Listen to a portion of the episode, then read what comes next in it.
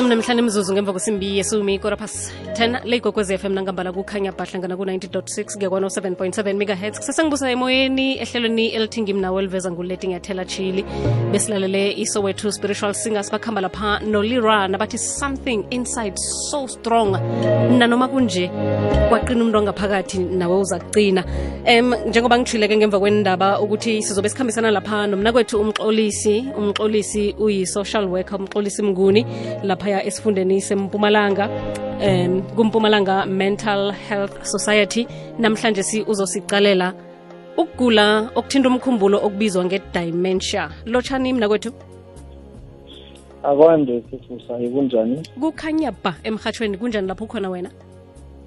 Thokoze kukhanya ba busayi angithome ngokulotshisa boke abalaleli bomhathi kwekwezi f m namhlanje sizokukhuluma ngedementia njengoba sewuthile ukuthi kubulwelwe bokukhubazeka bomkhumbulo. Mm sale sewurakela phambili usitshela ukuthi kuyini ubulwelwe obu esikhuluma ngabo nokuthi bubangwa yini? Ubulwelwe lobu bulokha umuntu nakakhubazekileko emkhumbulweni kakhulukazi ubamba abogogo nabomkhulu. Lokho nasele sebafike ku-age sixty five ukuya phezulu lapho umuntu ahlayelelwa khona likhono lokucabanga nofana lokukhumbula izinto ezenzekako eduze kwakhe. Begodu begodu libangelwa kuluphala. Nasele sesibeka mhlambe ngendlela elula singathi sithi kuluphala nofana ubulwele babogogo bokukhohlwa. Umuntu sekaluphele umkhumbulo wakhe awusanalo ikhono lela lokufana nalokho umuntu nakasesemutsha mm. and utshile ukuthi vanesele bangale ko-65 abantu bathindayo injalo. Umuntu uvane selangale ku-age 65 ukuya phezulu kakhulukazi kulapho lobulwelo buzibonakalisa khona khulu. Okay. Bubonakala ngani sele ukhuluma ngokuthi beyazibonakalisa? Mhlambe yini amathwayo akhombisako? Amathwayo lobulwele ayahluka keke ngokuya kwemizimba nemikhumbulo yabantu begodu ahlukahlukene sino-early stage sibe ne-middle stage sibe sibe ne-late stage yalamathwayo lapha-ke ku-early stage kulapho mhlambe kuba nokukhohlwa okulula nje. Mhlawumbe ugogo uyakhohlwa ukuthi eyi ngifihle imali yami ngiyibeke kuphi? Akasakhumbula ukuthi uyibekephi nofana akasakhumbula isikhathi ukuthi kusemini nofana kusebusuku akasahlukanisi lapho-ke-ke.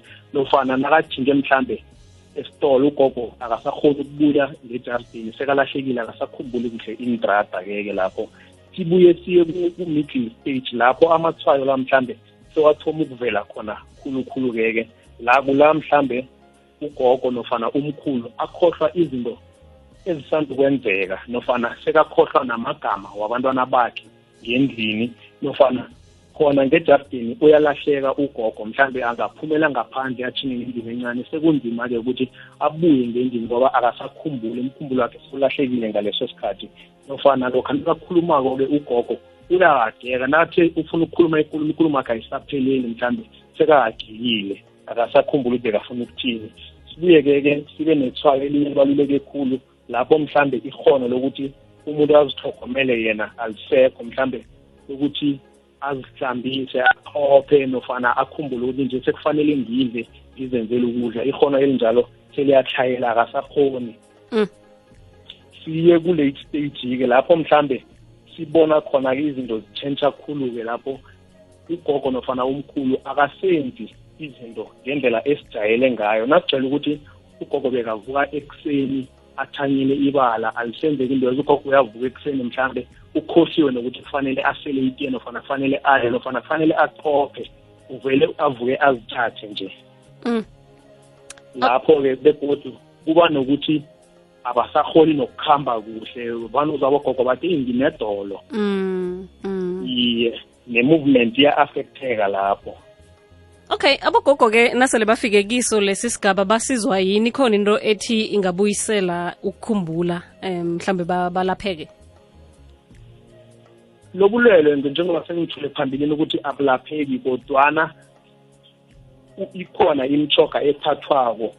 Eyenza ukuthi umkhumbulo lo ukwazi ukubuya kuhle lokho ugogo mhlawumbe umkhumbulo na umlahlekeleko begodwa into evane sikhuthaze khulu emphakathini ukuthi imindeni ibahlogomele nakho beniyazi ukuthi ugogo bekavuka ekuseni asele itiye aqophe yenzani njalo? Nakavuka-ke ekuseni nimkhumbuze gogo sekusikhathi sakho sokusela itiye nofana sekusikhathi sakho sokuthi uqophe nje nakamanzi nimhlogomele njalo lo ngoba yena ikhono lelo emkhumbulweni wakhe alisekho kuhle akasakhumbuli izinto ekufanele azenze. Okay. Masumi amabili mzuzu ngemva kwesimbi yesumi 20 minutes past 10 lo mhatsho ikokwezi FM kukhanya ba kukhona-ke ukuthi mhlawumbe kufike ngaphambi kwesikhathi lokhu ngoba nabanye abantu bayakhohlwa bangakabi ukufika kileyo minyaka. Mhlawumbe kunama-cases afana nalokho ukuthi sekungiyo i-dementia ekubambe mhlawumbe ngaphambi kwesikhathi kuyenzeka lokho kusayike-ke esikhathini esiningi thola lokha umuntu wahlukumezeka nofana abe sengozini lapho kulimala khona umkhumbulo nofana eh akhubazeke lokha vane kube kuvele i-stroke kakhulukazi-ke kula izibonakalisa khona e, elinye ithaya elibalulekileko. Ugogo nasele abantu i-stroke kulapho nakuthola ukuthi lo bulwele buyazibonakalisa sebuvela lapho nanoma angakafiki ku-age sixty five Mm. indlela yokuvikela mhlambe nasisesenamandla eh njengoba vane nithi ukuvikela kuba ngcono khulu kunokwelapha kukhona esingakwenza singakabi ukufika kileyo minyaka ukuzivikela? Ukuvikela kubaluleke khulu engingakuveza manje si. Yindaba yoku-exercise yokudla ukudla ebasitshela khona ukuthi sikudle emakliniki uzakhumbula amaveji ukuthi sidle njani ukudla emzimbeni yethu ukuthi ingqondo yethu ihlale yenzani ihlale i-active sibabantu. Hey, nokuyezwakala mna kwethu ngingazi mina ngeke nganelisekile. Ngicabanga ukuthi mlaleli ngaba nguyo nombuzo namkhana-ke kukhona obona kuqakatheke khulu ekusalela ngaphandle mayelana nayo i-dementia le. Singase sesitsho-ke ukuthi isiyeleliso sakho sokugcina khulukhulu-ke ebantwini abahlala nabantu sele bakhululekwe ekhaya isiyeleliso busayi njengoba uzakhumbula ukuthi sihlala emphakathini nofana ngithi kuma-rural areas. Lobulwele buyingozi kangangokuthi ugogo angathi avuka ekuseni akhohlwe ukuthi kufanele ambathe mm. izembatho zakhe. Uthola ugogo uvukile ekuseni uvuke wazijatha ukhohlwe ukuthi kufanele ambathe aphume ngestrata emphakathini yethu nakwenzeka into njengaleyo siyothi sothi ugogo ubambekile ubizwa umphakathi uyatshiswa nofana uyabulawa. Into esizibona zenzeka emphakathini yethu kanti before sibabantu sijahela ukuthi abantu bayaloya asikhumbuleni ukuthi kunelwazi lokuthi sebaluphele labantu ukuthi kunamalwelwe ahlukileko abasahlelako. Ngoba uzakhumbula um njengoba ngithule phambilini ukuthi umuntu ukhohlwa namagama uzakhumbula ugogo wange-next door eze kuwakubuza konje wena ngubani igama lakho. Ukukhohlwe okanye uyogijimela uzakithi heyi ayi ubambekile lo namhlanje. Ukukhohlwe ukuthi ngubani thoma nini ya lilwazi linye godi lelo usinikela lona elihlangana nesihloko sethu ebesinaso izolo. Siyathokoza mna kwethu ngisho konje nifumane nifumanekaphi abantu nesele bahloga isizo labona ohlala kuhle? Ngaphambi kwalokho busayi bakukhumbuza ukuthi eh ama-hour esiwaberegako ngu-eight to four umlaleli-ke nakafowuna akenza ukuthi ifona between iinkhathi lezo between eight and four. Ngale kwalokho asisebenzi. Mm okay. Andifonele kuphi? 081 081 481 481 50 50 84 84 081 yeah. 481 50 54 okay. Um kwangathi kuno kune voice note mhlambe ize kuwe ngaphambi kokuthi ngikuchaphulule khe siyilalele sobabili mxolisi.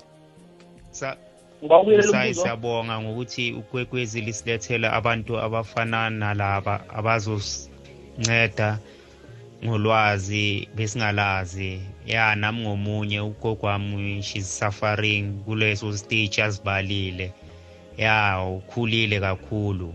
Mm. Ya yisi stage hayi ngiyamuzwa mina ubhuti ngimamele lapho sibonga kakhulu kwekwezi. Uthami la etsakane. Okay siyathokoza. Bengithi silalele mina i-voice note engibona ngathi ize kuwe. Mna kwethu uyazithokozela Okay. ngoba ukhuluma into aqalene nayo ekhaya etsakani ngogogo selakhulile. Uthokoza mina kosayo akonto sesibusayi. Awa isakho sakho sanamhlanje siveze iphuzu eli- elikhamba phambili khulu ngabogogo ngomkhumbulo ngayo yonke into ebenzakalayo nasebebadala. Nangikhumbula kuhle ukuthi baningi abogogo ababulawa ngesimo sokuthi bayaloya bayasolelwa kwangathi lalela ikwekwezi mihla namalanga bakwazi ukuthi bafunde into eziningikhulu namuhla awa ngifunde into eziningikhulu ngiyathokoza kimamthinye richard bye. Siyathokoza abogogo bakhohlwa ngisho ukumbatho ukhakhohlwe ukhohlwa nawe msi uhlala naye nje wena mxolisa athi phano ngibani kanti wena? Injalo athi nakenza njalo mna ngithome ngithi ayi ubambekile-ke namhlanje ziyamzara into zakhe eyisana eyisana okay um ngizokuchaphulula ngemva kokuthi silalele lo mlaleli. Hello Busayi unjani? Mina ngiba ukubuza ku ku ku- ku doctor ukuthi manje sina ukhohlwako ukhohlwa izinto mina like njengami nje ngisela amapilisi ngivele ngikhohle ukuwa u- ngiyawasela. Mase ngiwaselile ngibuye ngiwasele futhi ngikhohle ngikhohle ukuthi ngiwaselile. Dani ngibe sengiyaphinda ngiwasela kayithi ngiyokhumbula esekukade ukuthi ngiwaselile. Manje ngiba ukubuza kudoktor ukuthi lokho khona kubangelwa yini? Ngoba mina ngina 52 years. Bye busayi siyathokoza ma umxolisi uyi-social worker kodwana-ke nanguma uletha iphuzu lokuthi ukhohlwa ukuthi uselile ukuthi um amapilisi akhe lawo uwaselile and awasele godu ngoba ukhohliwe ukuthi khe wawasela lapho vane sikhuthaze khulu lokhu ugogo nakahlala nabantu abatsha mm. ngejardini sikhuthaza bona ukuthi ugogo niyambona nangu useya amapilisi. Wanimkhumbuze nakaselileko niyazi ukuthi ekuseni sekaselile sekafanele asele kwemini mkhumbuzeni ngoba yena sekenzani uyakhohlwa. Ya ya. Ngoba yena angithi manje akasakhona ukuyicontrola into enjengaleyo. Manje sisuke sikhuthaza abantu ahleli nawo ngejardini ukuthi no nina mkhumbuzeni nje kuzwakele mna kwethu sithokozile ngisho uthokoze mina kusani. Ya um sengiyakuchaphulula imibono mhlawumbe nemibuzo yona beyisesekhona kodwana-ke kuphela isikhathi. Siyathokoza. Ngumxolisi mnguni uvela esifundeni sempumalanga empumalanga mental health society. Ngenyanga leyo kuyelelisa ngamalwelwe athinda umkhumbulo abogogo bayakhohlwa. Ngaphambi kokuthi ugijimele ukuthi uyaloya kho uzibuze ukuthi ngenzeka ngiyo into egade kukhulunywa ngayo emrhatshweni leya na i-dementia nitshise bangaka abantu abanganacala kodwana-ke bayazigulela emkhumbulweni. Abantu abasuke emnyameni. Uberita uthi jika izinto mani